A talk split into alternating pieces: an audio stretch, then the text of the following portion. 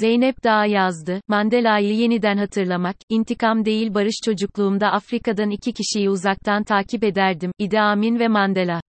Uganda Devlet Başkanı Idi Amin Afrika'nın en zalim diktatörü, Mandela tel örgülerin ardında en azılı ırk ayrımcılığına karşı mücadele eden özgürlük savaşçısı.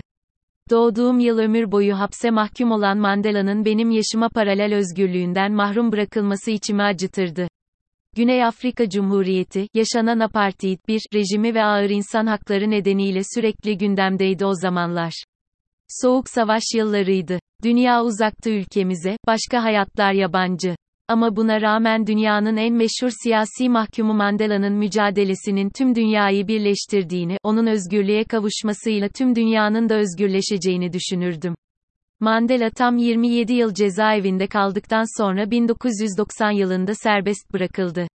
Berlin duvarının yıkılışının ardından Mandela'nın özgürleşmesi, apartheid rejiminin iflas etmesi geleceğin dünyası adına umut verici gelişmelerdi biz gençler için.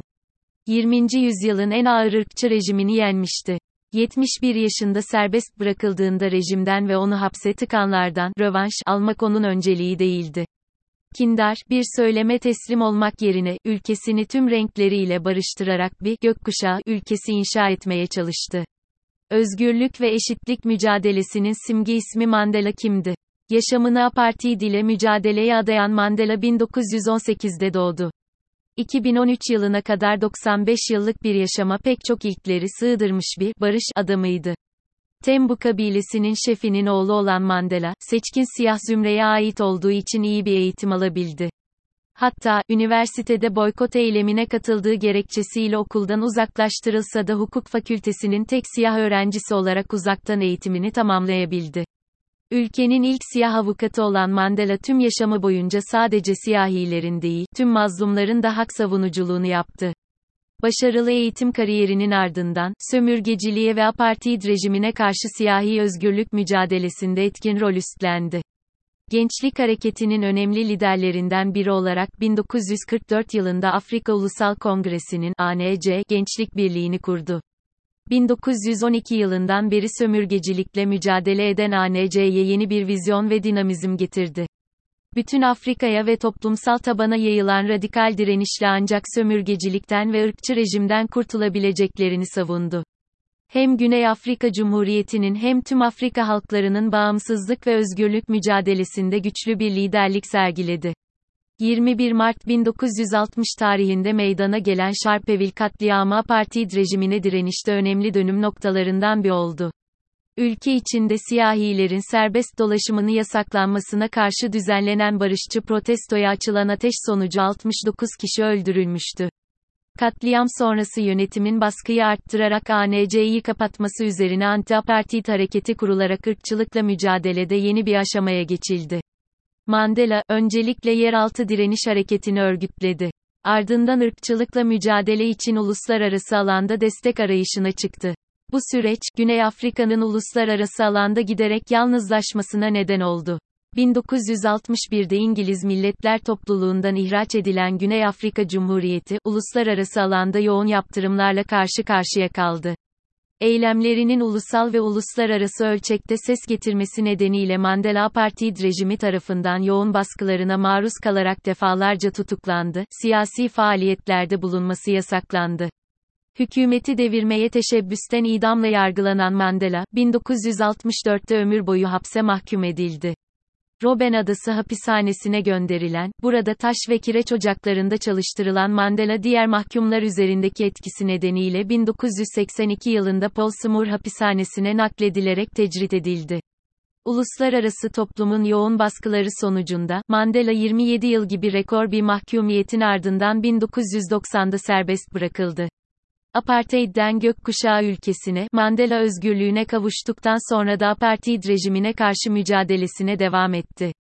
Adeta bir diplomat gibi dünyayı dolaştı.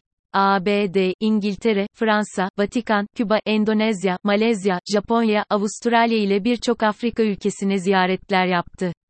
Bush, Thatcher, Mitterrand, Castro gibi dönemin önde gelen siyasal aktörleriyle görüştü. Uluslararası toplumun desteğini alan Mandela, apartheid rejiminin son devlet başkanı F. W. de Klerk'in de işbirliğiyle demokrasiye geçiş sürecine liderlik etti. Nokta. 10 Mayıs 1994'te tüm halkın katıldığı apartheid rejimini sonlandıran ülke tarihinin ilk demokratik seçimi yapıldı. Mandela, Güney Afrika Cumhuriyeti'nin ilk siyahi başkanı olmuştu. Acılı halkının rövanşını almak yerine onların sorunlarını çözmeye çalıştı. Eşitsizlikle, yoksullukla mücadeleye, toprak reformuna ve sağlık hizmetlerine öncelik verdi. Geçmişte yaşanan insan hakları ihlallerinin araştırılması için bir uzlaşma komisyonu kurulmasına öncülük etti. 2. Devlet başkanı olarak, çok renkli, çok dilli ve çok etnisiteli ülkesini renklerle barıştırarak bir gökkuşağı ülkesi yapmaya çalıştı. Ülkede yaşayan beyazların çoğunluğu 17. yüzyıldan itibaren bölgeye gelen Hollandalı, Alman, Fransız ve İngiliz göçmenlerin çocuklarıydı. Güney Afrika Cumhuriyeti bu özelliğiyle Afrika kıtasında en çok Avrupa kökenli beyazları barındıran ülkeydi. Beyaz azınlığın yanı sıra, çoğunluğu oluşturan yerli siyahi gruplar, melez topluluklar ve 19. YY, da şeker kamışı tarlalarında çalıştırılmak üzere getirilen Hintli ve Çinli Asya kökenli nüfuslu oldukça karışık bir demografiye sahipti. Mandela, %80'i siyahilerden oluşan ülkede, çoğunlukçu, değil, çoğulcu, anlayışı yerleştirebilmek için çaba harcadı.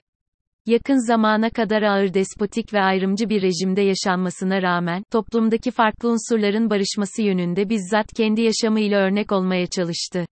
27 yıl zorlu cezaevi koşullarına rağmen, ülkesini geleceğe hazırlarken, intikam, duyguları ile hareket etmedi. İnsan hakları ihlalleriyle dolu tarihsel bagaja rağmen, uzlaşıyı ön plana çıkararak, farklı renk ve kültürlerin barış içinde bir arada yaşayabileceği bir toplum inşasına öncelik verdi. Devlet başkanı olduğunda siyahilerin tepkisine rağmen korumalarını beyazlardan seçerek, bir arada barış içinde yaşanırsa ancak güvenli olabileceklerinin mesajını verdi. Güney Afrikalı bir siyasetçinin, siyahlara haklarını vererek biz de özgürleştik ifadesi beni çok etkilemişti.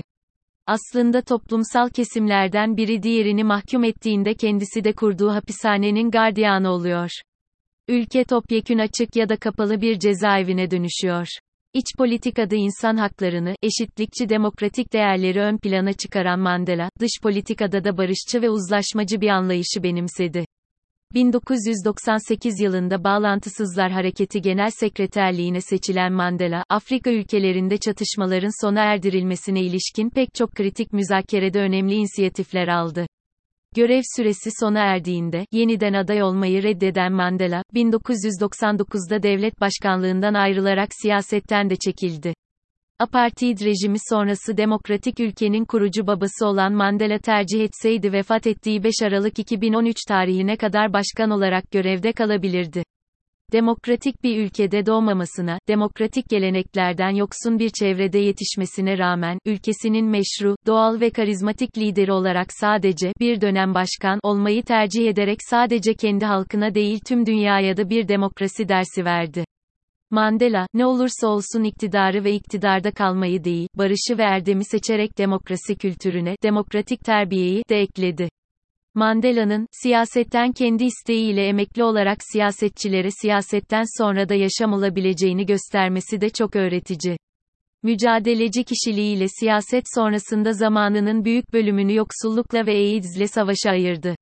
Mandela, 1993 yılında de Klerk ile Nobel Barış Ödülü'ne layık görüldü. Ayrıca, Amerika Birleşik Devletleri Başkanlığı Özgürlük Madalyası ve Sovyet Lenin nişanı da dahil olmak üzere çok sayıda ödül kazandı.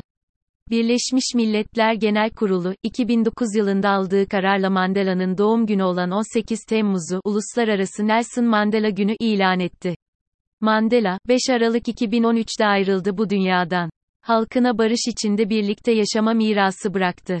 Cenazesinde beyaz ve siyahi insanların birbirlerine sarılarak Mandela'nın ardından gözyaşı dökmeleri, bir gökkuşağı ülkesi bıraktığı için minnettarlıkları gelecek nesiller ve tüm dünya için bir kazanım. Bu bilgi adam, hangi ırk, cins, din ve renkten olursak olalım küresel ölçekte yararlanabileceğimiz engin bir yaşam tecrübesi bıraktı ardında.